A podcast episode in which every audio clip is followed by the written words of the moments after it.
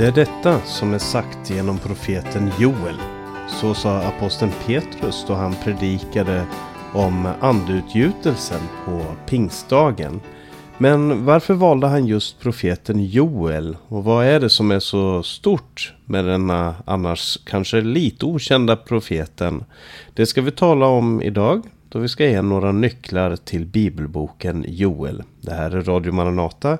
Jag heter Paulus Eliasson. Som du kanske hör så är jag lite förkyld idag men jag hoppas att du ska ha överseende med det. Nu läser vi profeten Joel.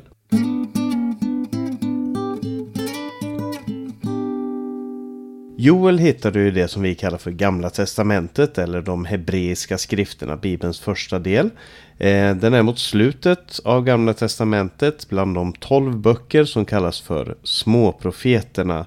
Och bland småprofeterna så är det den andra. Efter Hosea kommer Joel och så Amos. Och mitt mellan Hosea och Amos finner du Joel, en liten bok på tre kapitel och som tar ungefär 12 minuter att läsa. Och jag får säga som jag brukar göra, ta gärna tid att läsa den här boken idag. Eh, så kan du få hjälp av det som du hör här och eh, det som du läser kan också hjälpa att förstå det jag säger här. Ehm, Joel som namnet antyder är skriven av Joel. Det är så han presenteras i den, eh, det första kapitlets första vers. Eh, hans namn betyder eh, Jave är Gud. Jo är kort för Jave och El betyder Gud. Alltså Jave är Gud eller Herren är Gud. Eh, och vi vet inte egentligen mer om honom än det som står här, nämligen att han var son av en man som hette Petuel.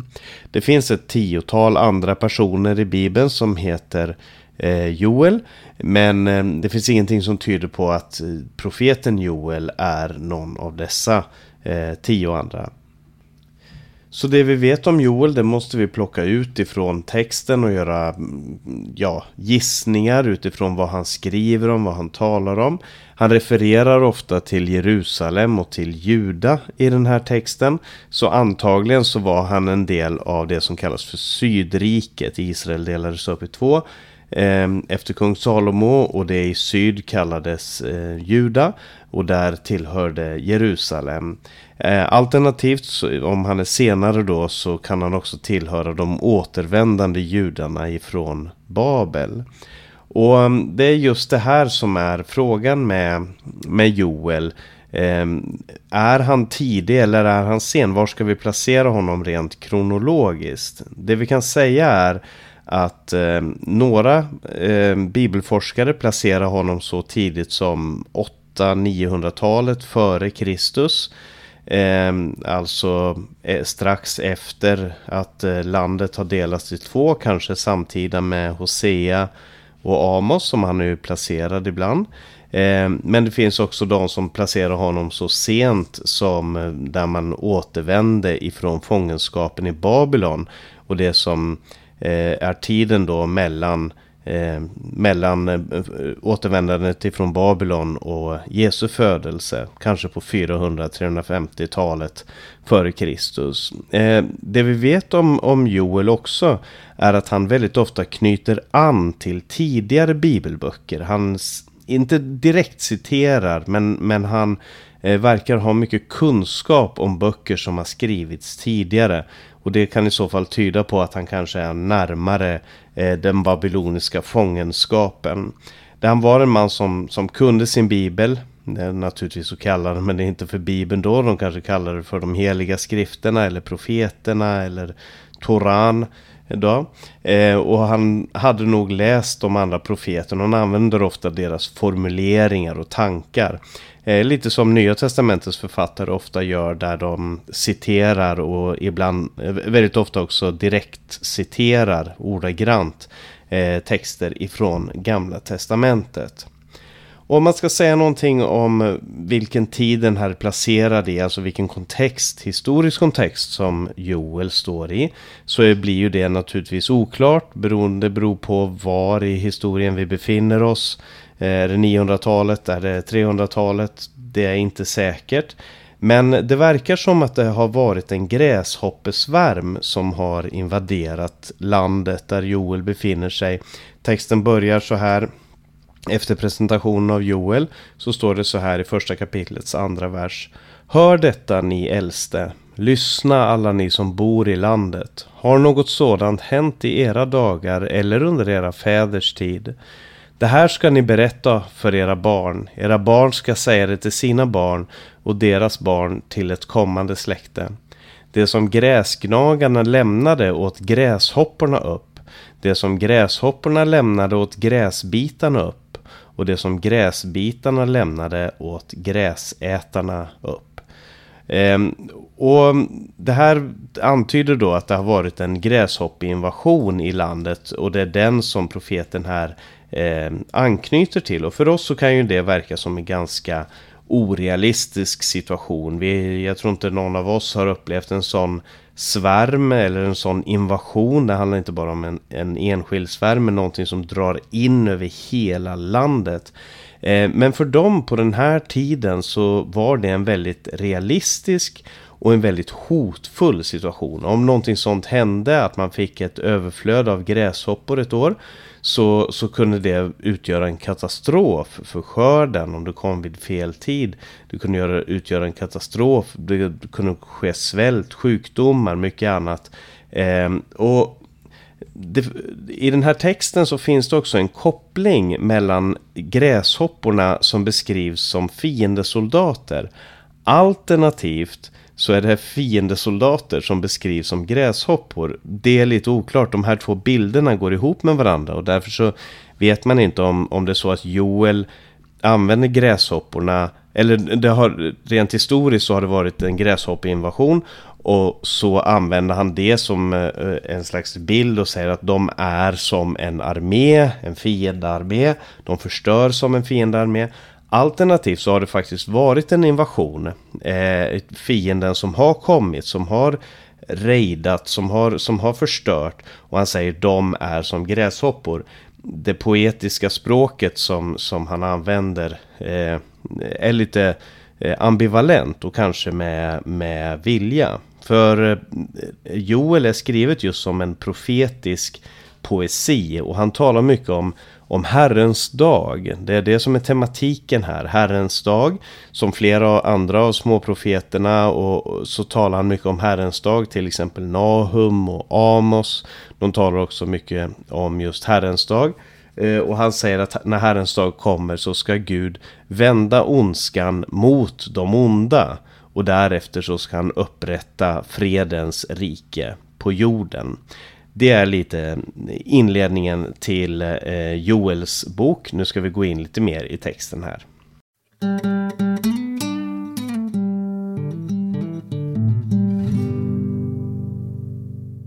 Som jag sa då så kopplar Joel ihop eh, tidigare händelser med den här gräshoppssvärmen verkar han koppla med kommande händelser. I det första och andra kapitlet talar mycket om Herrens dag. Och det Joel gör är att han ser ett mönster. Han ser att så som Gud har handlat tidigare och så som vi har erfarenheter av som folk att Gud har gjort vid tidigare händelser så kommer han att göra igen. Eh, så kapitel 1, eh, kapitel 2 det eh, börjar med den här beskrivandet av eh, hur, hur folk invaderar landet som gräshoppor. Men redan i kapitel 1 så finns det en, en maning, en kallelse till omvändelse. I den här situationen när allt är så hopplöst, när allt är så... Eh, när man upplever den här domen som går över så, så finns det en kallelse till omvändelse. Så här står det i det första kapitlets trettonde vers. Klä er i säcktyg och klaga ni präster. Jämra er ni som tjänstgör vid altaret. Gå in och sitt i säcktyg hela natten, ni min Guds tjänare. För det finns inga mer matoffer eller drickoffer i er Guds hus. Pålys en helig fasta, utropa en högtidsförsamling, samla de äldste, samla alla som bor i landet till Herren, er Guds hus och ropa till Herren.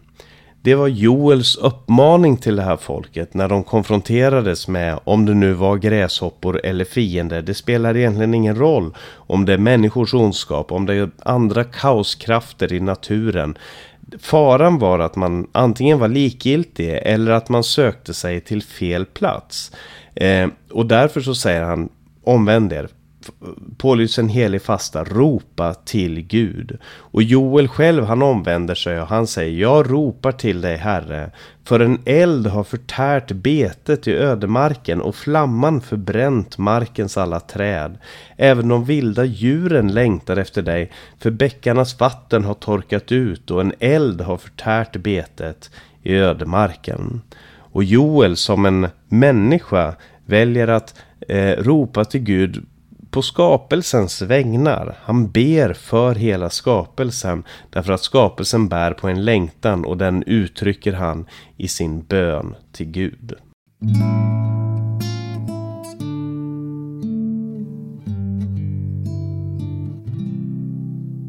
Så kommer då kapitel 2 där eh, det finns en annalkande katastrof. Om man säger kapitel 1 så ser han stort sett tillbaka på någonting som har hänt. I kapitel 2 så står det Blås i basun på Sion, låt larmet ljuda på mitt heliga berg, så att alla som bor i landet darrar, för Herrens dag kommer, den är nära, en dag av mörker och töcken, en dag av moln och dimma. Som gryningen breder ut sig över bergen kommer ett stort och mäktigt folk, vars like inte har funnits och aldrig ska uppstå igen under kommande släkten. Framför dem går en förtärande eld, bakom dem en bred brinnande låga. Landet framför dem var som Edens lustgård bakom dem är en öde öken. Ingen kommer undan dem. De liknar hästar. De rusar fram som stridshästar. Eh, och det är som att Joel säger Trodde ni att den här gräshoppsvärmen som ni har upplevt var illa? Nej, ni kommer till att få uppleva någonting som är mycket värre. Landet som var som Eden kommer bli en öken. Och han säger här, Herrens dag kommer, den är nära. Och jag kanske ska repetera det här som jag sagt flera gånger, för det är relevant också i Joels bok. Frågan, vad är Herrens dag? Och jag skulle vilja säga det så här, och jag försöker uttrycka det lite olika varje gång jag tar upp den här frågan, för den kommer tillbaka hos många av profeterna. Men man kan säga att det har varit genom historien många dagar, alltså tidsepoker, för det handlar inte om 24 timmars dygn utan det handlar om epoker eller händelser. Det har varit många sådana i historien som kan kallas för Herrens dag. Det är de dagarna då människor, vi människor kan se att Gud handlar. Och en del människor är mer öppna för Guds handlande i vardagssituationer, i, i varje dag. Och därför så säger ju salmisten också detta är dagen som Herren har gjort. Och det verkar som att han menar generellt varje dag. Varje dag är en dag som Herren har gjort. Och en dag då Herren eh, handlar. Och han säger låt oss jubla och glädja oss i den. Men, eh, och, och det här handlar om människor då som är väldigt synkroniserade med Herrens handlande. Och som ser Herren i varje situation. Men det finns också dagar då Gud på ett väldigt speciellt sätt handlar i sin allsmakt. Du kan tala om uttåget ur Egypten, intåget i Kanan, Assyriens invasion av Israel, Babylons invasion av Juda, när de senare återvände till Jerusalem och när vi går in på Nya Testamentets mark, Jesu födelse, Jesu död och uppståndelse och Jesu tillkommelse. Allt det här är dagar som man kan kalla för Herrens dag på olika sätt. Och en viktig fråga som han ställer här i den elfte versen, så det är så här. Herren låter sin röst höras framför sin här. Mycket stor är hans armé. Stark är den som utför hans order, för Herrens dag är stor och mycket skrämmande. Och så kommer frågan, vem kan uthärda den? Eller vem kan bestå? Och det är en viktig fråga. Vem kan bestå och hur ska man kunna bestå under det som är Herrens dag? Det är ett stort tema hos eh, Joel. Och hans maning, hans kallelse, hans svar på den här frågan, vem kan uthärda den? Det kommer i nästa vers då, där det står så här, men nu säger Herren, vänd om till mig av hela ert hjärta med fasta, gråt och klagan. Riv sönder era hjärtan, inte era kläder, och vänd om till Herren er Gud. För han är nådig och barmhärtig, sen till vrede och stor i nåd, och han ångrar det onda. Och här nämner han då riv sönder era hjärtan och inte era kläder. Eh, det här är ju kanske ett begrepp som eh, låter märkligt för oss. Vi river inte så ofta sönder våra kläder annat än av misstag eller om vi tycker att vi vill eh, förstöra dem på något sätt. Men det här var ett sätt att uttrycka sorg på. Man, när man sörjde över någonting, om någon hade dött, om någonting fruktansvärt hade hänt så kunde man riva sönder sina kläder som ett tecken på sorg. Eh, och, och, men, men det Gud säger här är att riva sönder sina kläder, det, det kan vem som helst göra. Man kan låtsas att man sörjer genom att riva sönder sina kläder. Men sen, riv sönder istället era hjärtan. Inte som i ta självmord eller så, utan, utan låt det här, den här omvändelsen, sorgen, gå ner på djupet i dig som människa. Eh, för att omvändelse kan vara någonting ytligt, det kan vara någonting som eh, andra ser och som man vill visa fram, se så from jag är, se så god jag är som sörjer och så vidare. Men Gud längtar efter människor som verkligen från djupet av sitt hjärta vänder om och det är de människorna som kan bestå i domen. Det är det som är eh, svaret på frågan vem kan uthärda den dagen? Eh, och så manar han igen till omvändelse och i den 18 versen eh, så kommer Guds svar på den här omvändelsen som sker. Eh, när profeten nu beskriver omvänd er, gör på det här sättet, riv sönder era hjärtan. Så kommer den 18 versen, Herrens reaktion på det här, då det står då fylldes Herren av lidelse för sitt land och han förbarmade sig över sitt folk. Herren svarade och sa till sitt folk Se, jag ska sända er säd och vin och olja så att ni blir mätta och jag ska inte låta hedna folken håna er längre. Och det här är ju då Gud som vänder förbannelsen till en välsignelse. Och då kan man naturligtvis fråga sig när ska det här hända? Vad, vad kommer vara tecknet på det här? Vad, vad ska vi se efter? Hur ska vi, eh, hur ska vi veta att den här tiden är inne? Då Gud sänder vin och olja. Då Gud sänder någonting ifrån himmelen eh, som omvänder hedningarna. Som får hedningarnas hån att stillna. Och så fortsätter han då i den 23 versen och säger Jubla ni Sions barn, gläd er i Herren er Gud, för han ger er läraren till rättfärdighet.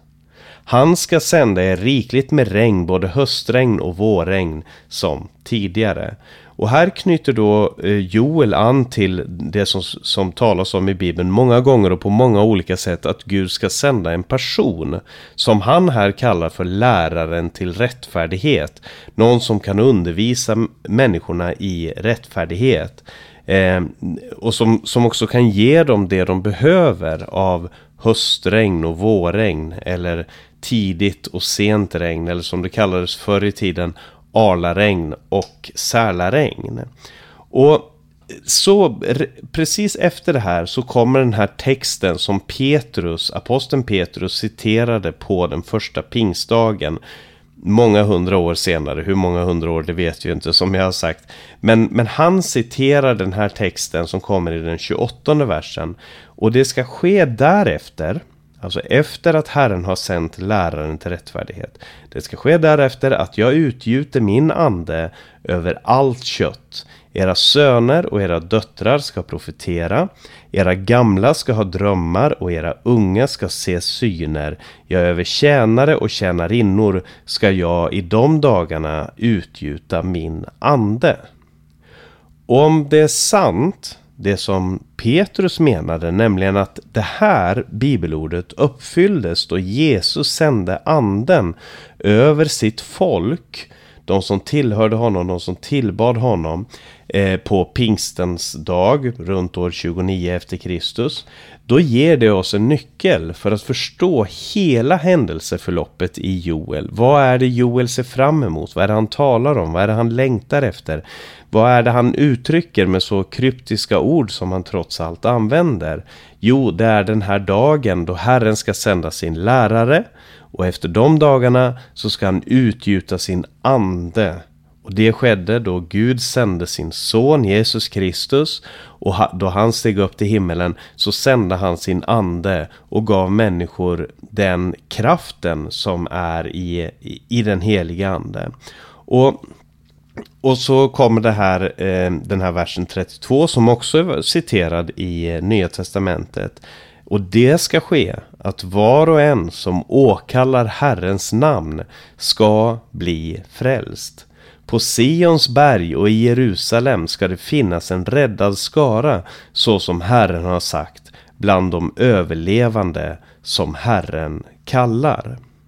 Eh, och det här bibelordet det citerar ju då aposteln Paulus i Romarbrevets tionde kapitel. Och där knyter han an det här bibelordet, det här det ska ske att var och en som åkallar Herrens namn ska bli frälst. Det säger han att det här handlar om eh, att bekänna Jesus som Herre. Eh, han säger om du med ditt hjärta tror att Gud har uppväckt Jesus från de döda. Om du med din mun bekänner Jesus som Herre, då ska du bli frälst. Och hur vet han det? Är det personlig erfarenhet? Ja, till viss del så är det det. Är det eh, personlig uppenbarelse ifrån Gud? Ja, till viss del. Men det han använder som argument för att förklara det här och för att knyta an till det här i sina eh, åhörare, det är att säga det är det som profeten Joel sa, var och en som åkallar Herrens namn ska bli frälst. De som tillber honom, de som åkallar honom, de som eh, kastar sig på Gud med, med allt vad de är och har. De som litar på honom, som ger sina liv till honom, de ska bli frälsta. Och därför sätter både Petrus och Paulus sätter eh, Joel i sitt rätta sammanhang. Och det kan väl verka märkligt när man, när man läser Joel isolerat. Det verkar som att ja, men, det här ska väl hända på Joels tid och antagligen det är väl någon varning till dem där. Och det är det. Det, det är absolut en profetia som handlar om dem. Men alla de här profeterna, precis som Joel såg mönstret som, som fanns hos alla profeterna Eh, och det han hade läst i skriften och såg att som Herrens dag hade kommit tidigare så ska Herrens dag komma igen i vår tid. Men på samma sätt så kunde apostlarna när de läste Joel så kunde de säga att så som Herren lovade den gången att han skulle utgjuta av sin heligande så ser vi det uppfyllt idag. Eh, och kapitel 3 i Joel det handlar om hur Gud ska samla alla hedninga folk och han ska döma dem. Som det också talas om mycket i Nya Testamentet, framförallt i Uppenbarelseboken som hämtar my eh, mycket inspiration från väldigt många profeter, men bland annat ifrån Joel, om hur Gud samlar hedninga folken och vänder deras egen ondska mot dem själva. De som har förföljt de svaga, de som har förföljt, eh, mördat de, de oskyldiga, de, deras ondska ska vändas emot dem. Eh, och det finns i den här texten en, en förvisning, en bortvisning av ondskan. Och det är i grund och botten det som är när vi talar om helvetet, när vi talar om, om elden, när vi talar om fördömelsen så handlar det om hur eh, istället för att onda människor ska förtrycka de, de människor som, som litar på Gud, de, människor, de svaga människorna, så ska de svaga få en fristad att befinna sig därför att de som är onda har visats bort. Därför att det som är ont i den här världen har försvunnit. Gud har placerat det i, i sin rätta kontext. Det är eh, vägen till frälsningen. Och den, eh, en av de sista verserna här säger i det tredje kapitlets artonde vers. Och det ska ske på den tiden att bergen ska drypa av druvsaft och höjderna flöda av mjölk. Alla bäckar i Juda ska flöda av vatten. En källa ska utgå från Herrens hus och vattna Akasiedalen. Det här är språk och, och, ord som är hämtade från skapelseberättelsen där Gud skapade Eden. Och här ser vi hur Gud önskar att skapa ett nytt Eden. En, en ny plats där, där han kan Eh, eh, eh, låta skapelsen få växa fram. Tidigare i texten så, så sa han att eh, jag ropar till dig Herre, eh, även de vilda djuren längtar efter det. Bäckarnas vatten har torkat ur och en eld har torkat ut och en eld har förtärt betet i ödemarken. Men nu i slutet här så står det en källa ska utgå och den ska utgå ifrån Guds och Herrens hus. Och den ska vattna de här dalarna. Och man kan tolka det här bokstavligt eller man kan tolka det här billigt. Jag tror att billigt, jag tror att det här är eh, texter som, som ingriper hela Guds handlande i det generella, i det specifika. Så, så, när vi ser de här sakerna hända så kan vi precis som Joel identifiera att det är Gud som handlar. Och det här mönstret som Joel då presenterar som handlar om Herrens dag, eh, som handlar om omvändelse. Herrens dag är inte menad för att, för att förgöra, utan det är menat för att förmana människor och leda dem till omvändelse. Och när man omvänder sig så inbjuder Gud till ett nytt Eden. Och det är det som evangeliet handlar om. Att Gud i Jesus Kristus bjuder in hela mänskligheten till den nya Eden, till en ny plats, en ny, ett nytt liv tillsammans med honom, en ny gemenskap i hans närhet, ett nytt liv eh, där man får komma till honom och få uppleva den här källan som utgår ifrån Herren. Det är evangelium presenterat i profeten Joel. Amen.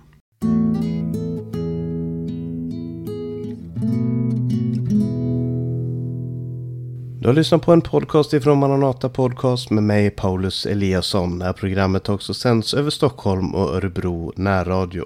Du kan komma i kontakt med Maranata via e-post info maranata.se eller om du ringer 070-201 60 20. Vi ska nu lyssna på Kristina Imsen som sjunger sången Jag är i Herrens händer från albumet Psalm och visa. Sprid Guds välsignelse till alla du möter och på återhörande.